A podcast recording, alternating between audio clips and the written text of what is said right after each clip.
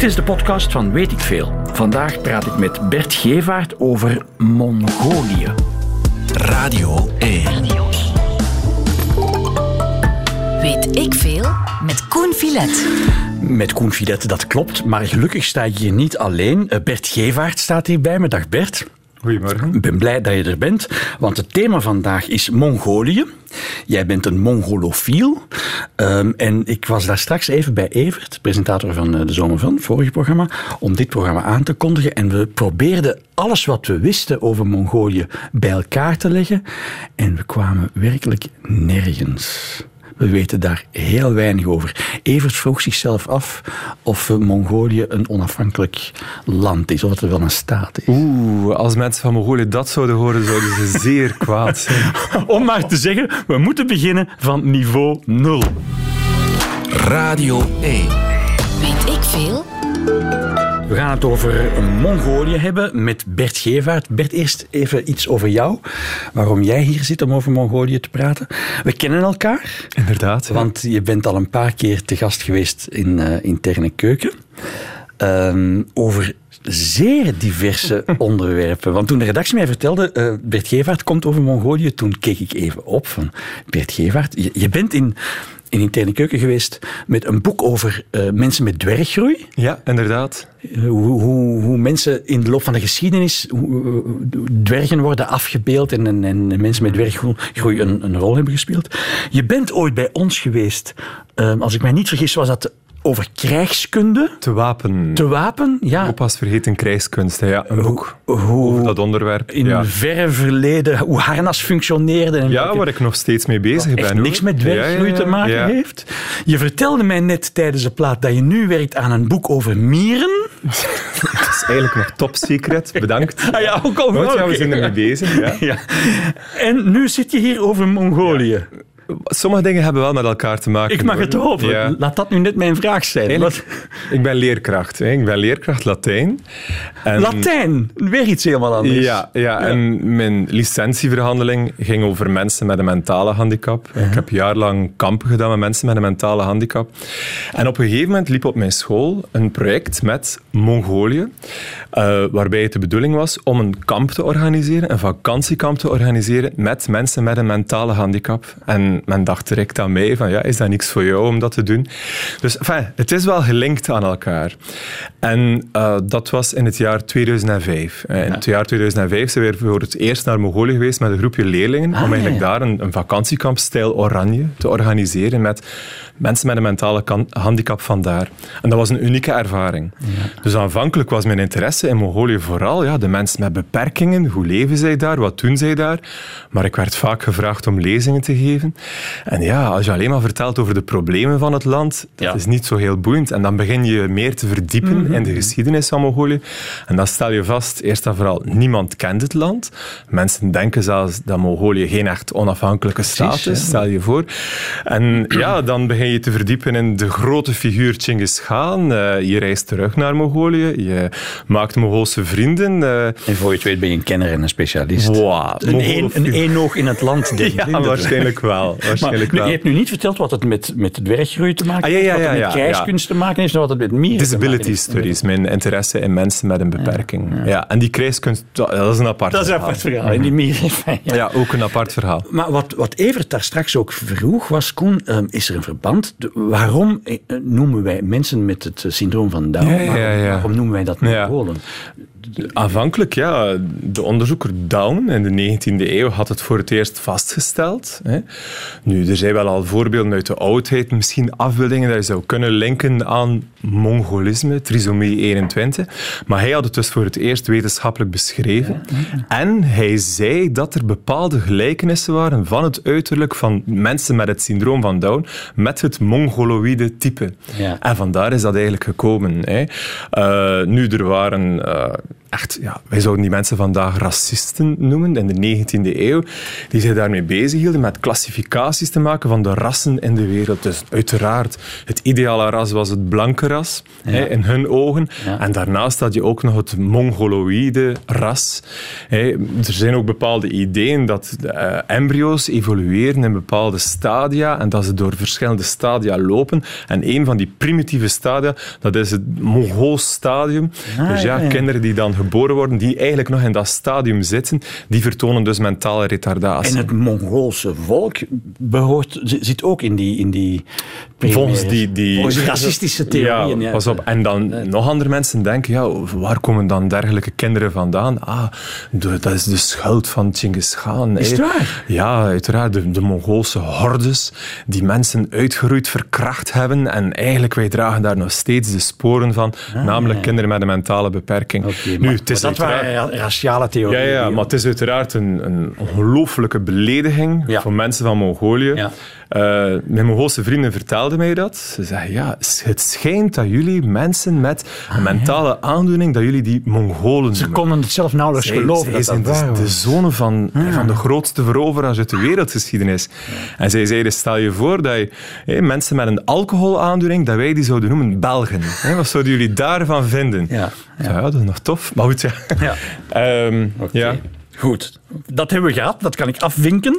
Ehm, ja, we moeten dus echt van nul beginnen. Mongolië Ja, ja. is wel degelijk een onafhankelijke, autonome staat. Een groot land. Ik weet Ja. ook, hij ligt, dus het land ligt in Azië. Ja, ja. Waar precies? Het ligt eigenlijk tussen China en Rusland en grenst ook nog een heel klein stukje aan eh, Kazachstan. Nu, het is een land, hey, anderhalf miljoen vierkante kilometer of 50 keer zo groot als België. Dus het is echt een gigantisch groot land met 3 miljoen inwoners. 3 miljoen inwoners. Bijna Dus niet- bijna geen bevolkingsdichtheid. Ja. Eh, ik denk twee hè, per vierkante kilometer. ja. Maar je moet je voorstellen Als je, dat... ei, als je een ei wil gaan lenen bij de buren, dan ben je even onderweg. Ja, eigenlijk wel. Behalve als je in de hoofdstad Ulaanbaatar woont. hè. De, ho- de hoofdstad Ulaanbaatar, daar wonen toch volgens de recente schattingen Ja. hè, bijna anderhalf miljoen mensen. Dus de helft van de bevolking woont in de hoofdstad. Ik zeg, volgens schattingen, er is een groot ger-district. Dus de nomaden wonen van oudsher in gers. Het Russisch woord is yurt, maar ger, huis, is het Mongoolse woord. En dus de hoofdstad Ulaanbaatar, dus je hebt daar een, een historische kern, hè, met, met flatgebouwen, beton en dergelijke. Maar daar rond is een groot ger-district. En in dat ger-district ja, wonen dus allemaal nomaden in hun tenten. Hè, Veel mensen die bijvoorbeeld na het mislukken van een oogst, eh, na, na sterfte van dieren, eh, financiële problemen, vluchten zij naar de stad Ulaanbaatar. En zij wonen rond de stad Ulaanbaatar. En dat is ja, onoverzichtelijk kluwen. Hè. Bepaalde wijken heb je geen, geen water, geen elektriciteit. Ah, ja. En Een soort van krottenwijk, maar de krotten zijn dan tenten. eh, ja, eigenlijk wel. Ja, je zou het zo kunnen zeggen. Ehm, ja, En krotten. En zei je nu, je zei er is een historisch centrum, maar je zei dat bestaat uit flatgebouwen en beton. Ja, ja, ja, ja, ja. Eigenlijk de hoofdstad, Ulaanbaatar. Nu, heel vroeger, in de 17e eeuw, was Ulaanbaatar ook al tijdelijk een belangrijke stad geweest. Maar van de oorsprong kennen zij eigenlijk geen steden. Hè. De hoofdstad van het Mongoolse Rijk. Ja, later is er een hoofdstad gekomen, maar de hoofdstad was constant onderweg. Hè. Dus de legers van de Kaan, ja, zij, zij trokken van land naar land en de hoofdstad was overal. Er is geen traditionele of oude architectuur in Mongolië. Eh, niks. De architectuur is de tent, de ger. Hè. Eh, die woning die volgens bepaalde patronen is opgetrokken. Daardoor dat de nomade zich overal thuis voelt. Want hij plaatst zijn tent en dat is zijn thuis. Zijn thuis is waar zijn ger staat. Hè. Bovendien, de hemel is overal. En voor vele Mongolen, zoals vroeger, is de ultieme godheid Guchtinger. Guchtinger, de eeuwige hemel, die is blauw. En die blauwe hemel is overal aanwezig. Overal, overal. Dus waar je ook reist, Guchtinger, Munchtinger, eeuwige hemel, die, die is daar, die beschermt je. Dus Er zit een Ja, religieuze kant. Ja, ja, ja, aan die- Nu, de stad Ulaanbaatar is er pas van 1920. 1920 eigenlijk pas officiële hoofdstad. Mhm. Is dat een fijne plek, Ulaanbaatar? Als je, ah, ik laat mij Ja. de vraag eh, als een toerist stellen. Als ik naar Mongolië ga, ga ik dan eerst naar Ulaanbaatar Ja. om daar de highlights te bekijken? Ja, eigenlijk wel. Dat- ja. ah ja, toch wel. Ja, alles is in Ulaanbaatar. Alles zijn- is daar. En wat zijn de highlights? Ehm, de highlights. Musea. Hm? Ah, Musea van nationale geschiedenis. Een nog groot boeddhistisch klooster, het Gandhan-klooster, is in Ulaanbaatar. Maar Ulaanbaatar is voortdurend in ontwikkeling. Hè. Eh, toen ik daar vorige zomer was, eh, dus 2017, heb ik, ik denk, iets van 30 kranen geteld die aan het bouwen waren. Hè. Ik was er... eh, ongeveer een maand geleden weer. En nu waren er wat minder kranen, maar weer al de straten die vroeger gewoon modder waren, die zijn nu gebetoneerd, is er nu asfalt. Die stad verandert, verandert voortdurend. En was vroeger zeer onveilig. Toen ik er voor het eerst was in 2005, ja, hadden straatkinderen eh, stenen losgewrikt uit de straat en ze waren ons aan het bekogelen. Dus wij kwamen daar ontwikkelingswerk doen en eh, projecten voor en je straatkinderen. was niet welkom. We waren totaal niet welkom. ja. Ondankbare Mongoliërs. Ah ja, we hebben toen, eh, onze Mongoolse gids is er toen bijgekomen en heeft dat toen wel uitgelegd. Maar ja, dat is ook te begrijpen. hè. Wij Westelingen met onze grote weelden. Maar die stad is nu veel veiliger. Sommige mensen zeggen mij Ulaanbaatar, wat afschuwelijke stad.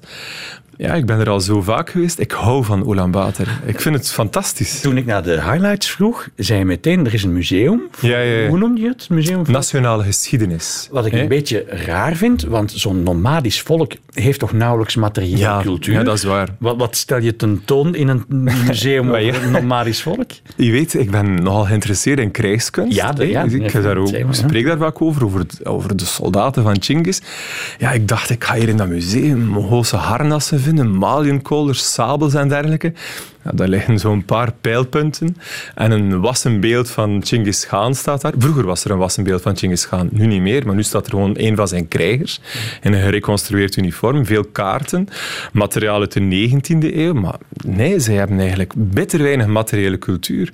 De meeste van de kloosters dateren uit de 17e eeuw. Veel kloosters zijn zwaar verwoest geweest tijdens het communistisch bewind. Ja. Dus ja, ehm, in het landschap staan soms oude stenen. Ja, daar reis je meerdere kilometers en dan naar zie je daar een prachtige Ja. Turkse steen staan. En Ja. dat is wel de moeite waard, moet ik zeggen. Zeker als je zo'n groep bij hebt. En dan gaan we naar iets oud-archeologisch gaan kijken. Maar mensen in Mongolië zeggen ook van, ja... Wanneer dat je bij ons komt... Dit is geschiedenis. Dit is het land van vroeger. Er is niks meer veranderd. Ja. Eh, er zijn wel nog Het bronnen. land, de steppen, de ja, hemel. dat, dat, is, dat, is, dat is het. Ja, Eh, wij hebben geen nood aan materiële cultuur. Ja. Vreemd, hè? Ja. Ze zingen wel. Ze zingen prachtig. Enfin, vind Of ik. ze maken muziek. Jullie hadden vrijdag een uitzending over eh, de stem. Hier in... eh, Ja? ja, met Kobe was dat. En met, het was met de stemcoach van de VRT. En Ja, met- zowel Kobe als de stemcoach zeiden... Wat een Bernadette. afschuwelijke muziek is dat. Ja, ik dacht, allee, kom aan. De, de Mongoolse Ja, ja, ja. Ehm, ze, ze, ze zingen wel heel eigen. Je moet er wat in komen, hè Bert? Ja, ik, ik waardeer het enorm. Ja. Ik, eh, wacht even, ik moet, moet even de, de juiste plaat kiezen. Die Altan Oerach, is dat de Ja, naam ja, die jou iets zegt? in. Ja, ja, ja. ja, ja, Dat- ja. Is dat de naam van een groep of de naam van een zanger? Of wie, wie Dat is de naam van een groep. Een heel ja. populaire groep, die er ooit in Brussel geweest is. En eh, ja. En die bezondigen zich dus aan keelzang. Ja. Wacht, Ja. we, gaan eerst, we gaan eerst luisteren. We gaan eerst luisteren. Keelzang, dat, dat, dat gaat zo. Dit is nog geen keelzang, hè? Nee, nee. Even... Soms is er een lange inleiding. ik hoop dat we nu geen drie minuten moeten... Ah, drie minuten Nee, moeten het kan wachten. wel even duren hoor. Ja. Kan, kan Ik jij... ga, nee, ik ga het jullie niet... Ik wist dat die vraag zou komen. Doe het eens even voor. Ah, het is, eh, ehm, onze laatste reis hadden wij een quiz georganiseerd. Ja. En mochten mensen zelf proberen om, om keelzang Ja. ten berde te brengen. Maar eh, ja, ik ben ooit al in Frankrijk geweest. En waar een, een of ander Mongols festival was. En daar waren Fransen die het fantastisch goed konden. Het is echt moeilijk. Heel moeilijk. Ik denk dat ik de verkeerde plaat heb gekozen. Ik vind het nogal stil, ja. Ja, Sander, dat is mijn technicus. Sander, regels eens weg die plaat en probeer Homeland is van Seda. Was dat, was dat de keelzang? Nu zijn we wel echt aan het knoeien. Was dat de keelzangplaat? Het zal eerder paardenviool zijn. Net zo'n instrument. Ik vind ze niet meer terug, die keelzang. De keelzang. kwaad. Dit klinkt al Mongols. Ja. ja, dit is al... Ja, dit is Seda. Ja. Nu, ben, eh, er zijn verschillende types van keelzang. Uh, dat kan zeer hoog gaan. Dan heb je het gevoel dat er iemand precies met een stemvork uh, bezig is. Het kan ook heel diep gaan. Ik heb uh, artiesten het zien performen en, en die, ja, die, die zweten echt. Hè. Dat is een fysieke heel zware inspanning. En waar het op neerkomt is dat je met, met één stem Ja. toch verschillende tonen Ja, tegelijkertijd... formanten. eh, men produceert formanten. Het is vooral de positie van de mond. Ja, en dan klinkt het Ja. heel metalig. Heel diep. Verdorie. Ja. Ik ben mijn weg kwijt in de platenlijst, want dit is ook geen keelzang. Nee, nee, nee. Dat, nee. dat is vervelend. Ik ga, ik ga even ki- kijken naar, naar de redactie, naar de mensen van de redactie achter het glas. Zoek mij een plaat met keelzang aan en, en kom vertellen als je ze gevonden hebt. Oké.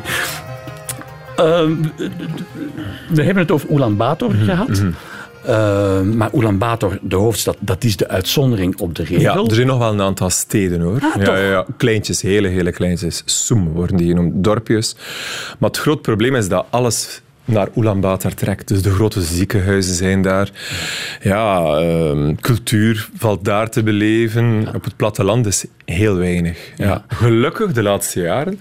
Dank, ja, overal is internet. Dus voor nomaden blijft het weer wat interessanter. Dankzij internet kunnen zij ook op de hoogte zijn van bepaalde Ah, dingen in de hoofdstad. Is er wifi op, de, ste- op de steppen? Ja, ja, ja. Tegenwoordig is het beeld dat je vaak ziet, de nomade met zijn gsm bezig. Ja. Wanneer ik dan met groepen ga, mensen vinden dat altijd afschuwelijk. Hè. Ah ja, dat mag niet, hè? Ah, die mensen, traditionele cultuur en die mensen is hier gewoon... Ze hebben toch geen, ze hebben toch geen jeansbroeken aan, mag ik hopen? Eh, ja, toch ook. Ah, ja. Ja, ja. En van die baseballpetjes zie je dan ook. Dus je Ah. hebt mensen echt met traditionele kledij. Dus de kledij die al gedragen werd ja, 800 jaar geleden. Mhm, In combinatie met moderne elementen. Ja. Jij hebt nu ook een, de mensen zien dat natuurlijk niet op Ja. de radio, je hebt ook een jasje aan waarvan ik vermoed dat, Ja, ja, ja. dat het wel eens Mongools zou Ja, kunnen zijn. dat is waar. Ik vind de Mongoolse kledij heel mooi. Ja. En ik, Wat voor stof is het? Is het Ehm, een soort, eh, nee, het is, het is een soort eh, leer, ja, Ah, ja, licht leer. heel licht leer. Het is vooral het motief. En, eh, met geometrische figuren? Of? ja, ja, ja, ja. De Shrivasta. De Shrivasta is een knoop en die knoop wijst op de eeuwigheid. Ja. Hebben we de keelzang gevonden? We hebben de Ah. keelzang gevonden ondertussen. Laat de keelzang op ons los. Ja, voilà. Ja. Daar hebben we nu op zitten wachten. We gaan ingetogen luisteren, keelzang.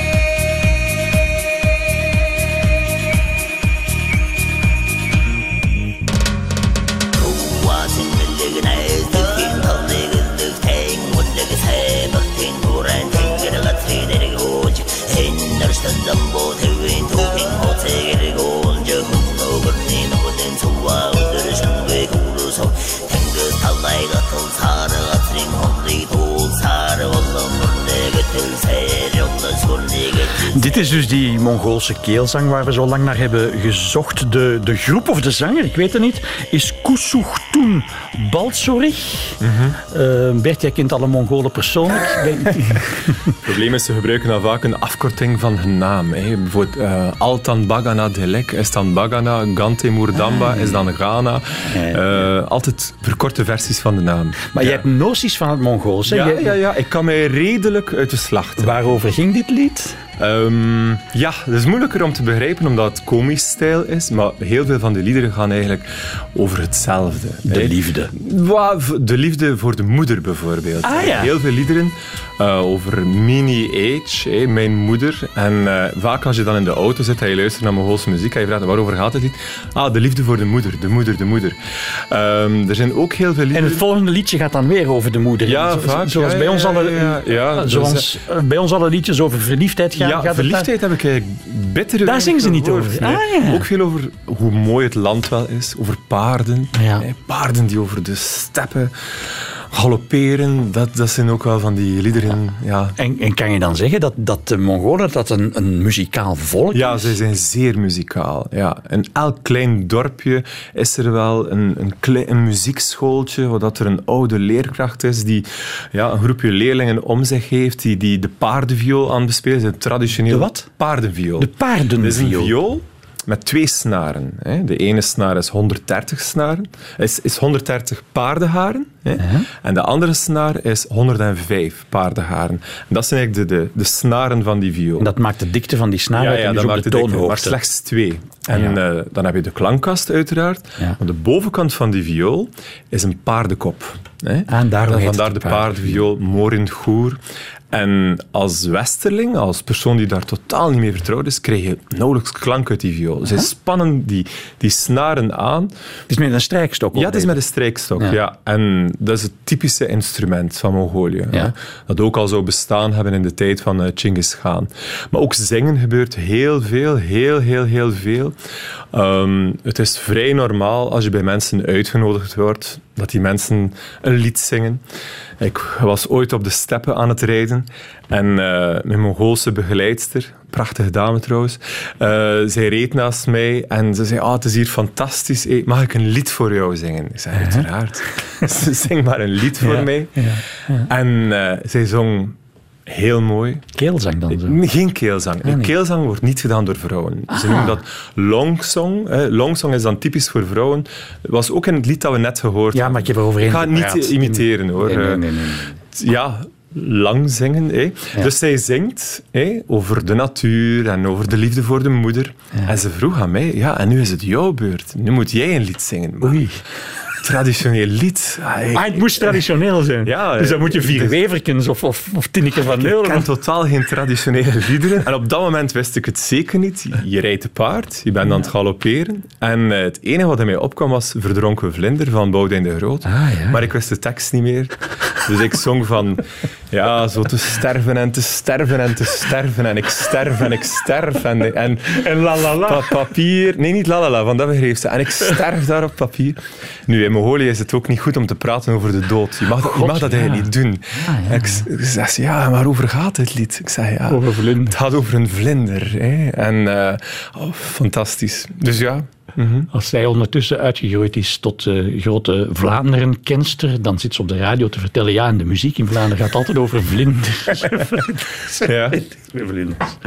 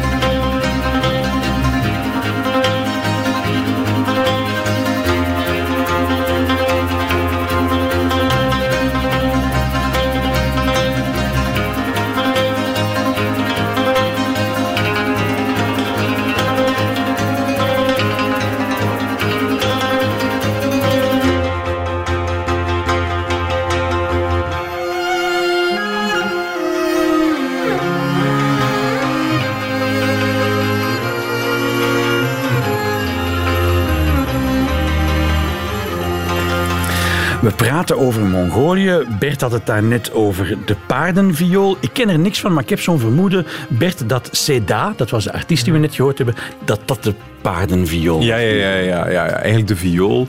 Eh, met die viool zouden ze het geluid evoceren van galopperende paarden. Ja. Dat heb ik nu niet gehoord. Ah ja, in de begeleiding. Ja, ja. Het paard begint te galopperen. Ja, want het zijn nomaden, dat heb je al verteld, de, de, de Mongoliërs.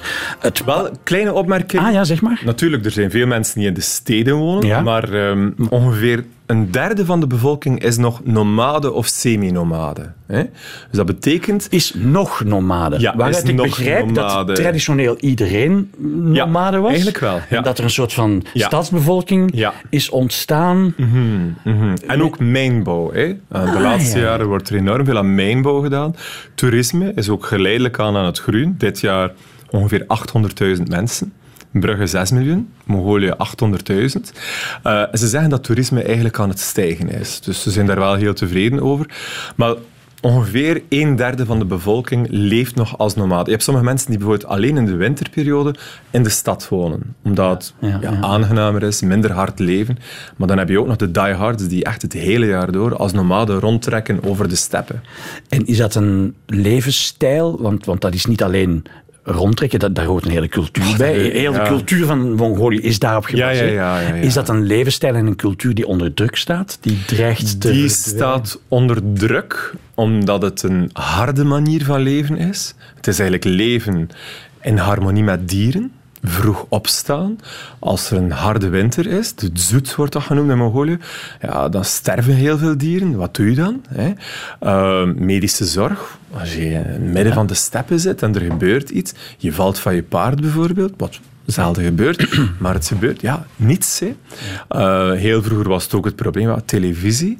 Ja, als, je, als er, als er geen, geen verbinding is, geen satelliet of zo, er is gewoon niks te beleven. Hè. Dus die nomadische levensstijl die staat haaks op de moderniteit. Ja, ja, ja, ja. Maar ze proberen het te verzoenen. Hè. Ze proberen eigenlijk ook dat nomadisme te promoten. Ja, ja, maar je kan geen mijnbouw organiseren. Ja. Dat gaat niet samen met Nee, dat gaat nomadisch niet leven. samen, want mijnbouw maakt rivieren kapot. Mijnbouw maakt het landschap kapot. is he- helemaal anders. Hè? Ja, en het staat ook haaks op de cultuur, want Voilà, wie in een mijn gaat werken, moet zijn nomadisch ja, leven en opgeven. je hebt ook het idee, eh, in Mongolië, de grond ja, moet vereerd worden. Hè? Alleen dieren mogen grazen. Ah, ja. Van oorsprong waren zij ook geen landbouwers. Iemand die Dus met een- zijn handen in de grond vroet, ja, dat is een minderwaardig iemand. De, de Chinezen werden vaak omschreven als ja, de mensen die met de handen in de grond zitten. Hè? De Gyatat-hoen, die zitten met de handen in de grond. Maar Mongol-hoen, hoofd rechtop. Wij werken niet in de grond. Wij doen dat niet. Dus dat, dat past daar eigenlijk helemaal Dus dan niet. zit je toch met een soort van padstelling als je, ehm, ik weet niet hoe de regering of de staatsvorm van Mongolië eruit ziet, maar als je president van Mongolië bent en je wil je volk eh, Ja. op, opsturen in de ja, vaart der ja, volkeren. Dan, dan, dan heb het is je een moeilijke evenwichtsoefening. Het is trouwens een parlementaire democratie. Met een president is het dan? Met een president, ja, ja. Batulga. Ehm, twee politieke partijen. Veel verhalen over corruptie natuurlijk. Ja. Maar tegenwoordig valt het mee, heb ik toch gehoord. Ehm, ja, dat is een Die moeilijke... hebben een probleem? Ja, Ja. dat is een moeilijke evenwichtsoefening. En er is een nationaal festival, de NADA. Hè? En tijdens dat nationaal festival, de NADA, worden die traditionele technieken van de nomaden, de traditionele vaardigheden van de nomaden, Ja. die worden dan nog eens extra in de verf gezet. Dus ik heb een hoogste vrienden die in het Westen gestudeerd hebben, die hier al vaak geweest zijn bij ons thuis. En ik vroeg onlangs, wat zou je willen dat jouw zoon, dochter, wat zij kunnen paardrijden? Punt, dat is het. paardrijden en dan studeren. En de eigen taal heel vlot spreken. En dus bij veel intellectuelen, mensen van de high society in Mongolië, leeft het echt van, wij moeten die traditie kunnen waarborgen, maar met die traditie toch ja, ons kunnen aanpassen in de 21ste eeuw. Ja. Er zijn heel veel videoclips bijvoorbeeld hè, op televisie. Er zijn veel televisiekanalen in Ulaanbaatar, iets, bijna 70. Serieus? Ja. En in videoclips bijvoorbeeld van boysbands zie je ja, de typische boys van boysbands en zij rijden te paard over de steppen. Hè. Eh, altijd maar weer, zie je weer een prachtige land, terwijl het is een stad. Hè. En ja, men hoopt dan dat te blijven Het promoten. is een soort van spreidstand. Ja, ja, ja, Ja. een moeilijke spreidstand.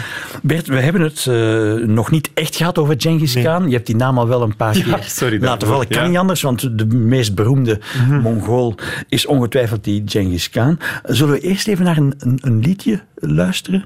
Ken je het zinnetje What would Jesus do? Ja. Je komt in een bepaalde situatie en je vraagt je af What would Jesus do? Dit liedje heet What would Genghis do? Weet ik veel? When a contractor's trying to rip you off, or some asshole tries to jump in line, a colleague's got his mind set on your job and starts sucking up to your boss. When some character steals your parking space and gives you the finger on top. Oh, you're getting hit hard in the by a white supremacist mob. Always ask yourself, what would Genghis do? Turn the other cheek, the hell he would. Only one question, what would Genghis do? What would Genghis do?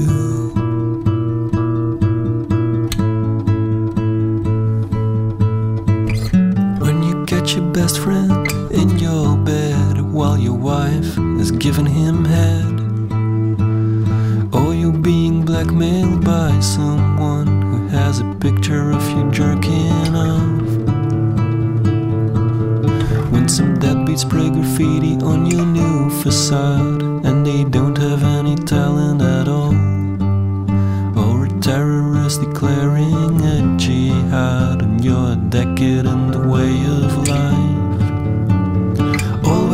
yourself, what would Genghis do? Turn the other cheek, the hell he would. Only one question, what would Genghis do? What would Genghis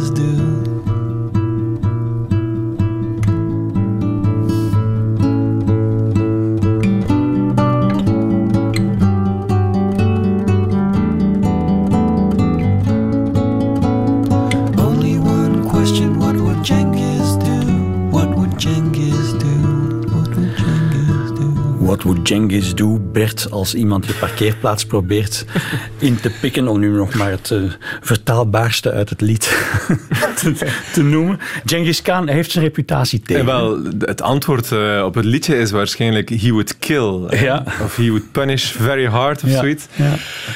Ja, hij heeft die reputatie mee. Hè. Ik zag onlangs een, eh, een kort filmpje voor eh, Hotel Transylvania, Puppy. En eh, op een gegeven moment vraagt de papa, hé, en welke naam zullen wij aan het hondje geven? Genghis Khan. Hè. Ja, ja. Altijd maar weer.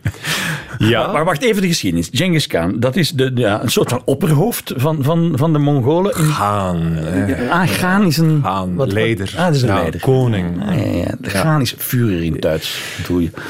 Ik ga daar geen antwoord op geven. Hè. Eh, in welk tijdsgevricht zitten we? Eh, 12e eeuw. 12e, geboren in 1162. Hij is gestorven in 1227. En werd Genghis Khan dan geboren in een eh, adellijk geslacht? Hoe moet je je dat Ehm, toen voorstellen? Of? Hij is geboren... en Dus de situatie dat je eigenlijk moet voorstellen in Mongolië voor de komst van Genghis Khan is allemaal kleine stammen, sommige wel ietsje groter, kleine stammen die voortdurend oorlog voeren met elkaar.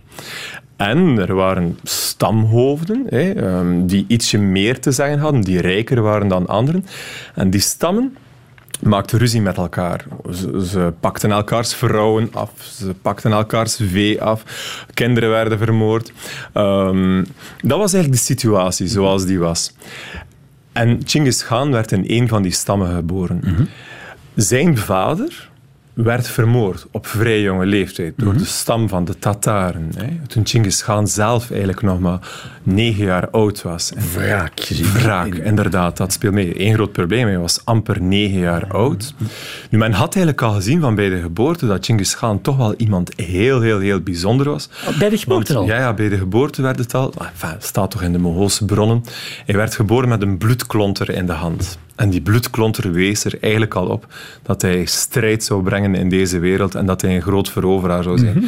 Dus die jonge Genghis Khan, zijn vader wordt vergiftigd. Hm?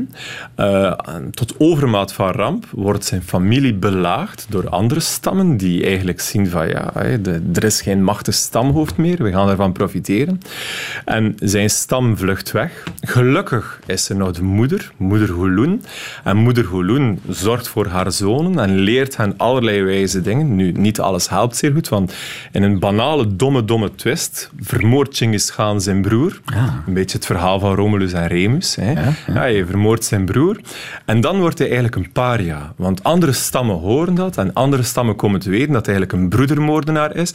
Bovendien ja, dat er eigenlijk geen krachtige man is om de stam van Genghis te leiden. En eh, zij maken daar misbruik van om eigenlijk zijn stam aan te vallen, om alles te roven. En Genghis zelf wordt gevangen genomen en hij wordt verplicht om een tijd het schandblok te dragen. Een soort van blok dat om zijn, aan zijn hoofd wordt vastgemaakt, waar zijn handen in vastzitten en hij wordt daar vernederd als slaaf. Dus echt, ja, de man, zo'n veelbelovende toekomst, maar het stelt niets meer voor. Maar hij slaagt erin om te ontsnappen. Eh, hij groeit op, wordt wat ouder, vindt mensen die hem ondersteunen. Hij heeft een bloedbroeder, Jamouch. Hè? En die bloedbroeder Jamouch helpt hem bij alles wat hij doet. Eh, en samen met zijn eh, bloedbroeder ja, klimt hij geleidelijk aan op. Je bent, je, bent, vindt... je bent de lange versie aan het vertellen, Hubert. Ja. We moeten eindigen met de verovering van de, de helft van de wereld. Oké, zijn vrouw wordt, eh, wordt dan nog ook ges- gestolen. Ja. Eh, ze wordt zwanger gemaakt door iemand. Hij is niet zeker of dat, wel, eh, of dat zijn vrouw wel zwanger is van hemzelf. Maar- maar- Om een lang maar- verhaal kort te maken. Ja, maar toch even onderbreken. Ja. Wat- jij nu vertelt, zijn, wat, wat is de bron daarvan? Zijn, bron is een tekst die algemeen wordt omschreven als de secret history. De geheime, geheime geschiedenis, geschiedenis van- van... de Mongolen. maar zo geheim is het niet, want je Nee, maar het idee is, die tekst werd zo genoemd omdat die eigenlijk alleen maar bestemd was voor de in-crowd.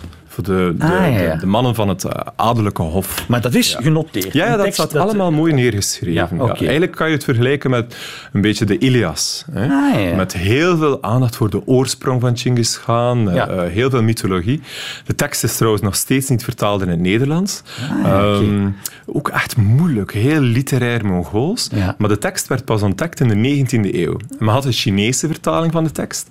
Eh, ja, een Mongoolse tekst had men niet. De, de tekst werd ook door de Mongolen pas ontdekt in de 19e Ja, ja, ja. ja, ja, ja, ja. Natuurlijk, het Mongoolse imperium was tot ongeveer 14e eeuw kende zij geen bloeitijd, hè, met Ja. de laatste grote Khan, Kublai Khan. Ehm, maar daarna, ja, de, de, de, de Chinezen worden steeds machtiger en machtiger. Ja. Uiteindelijk worden zij zelfs deel van China.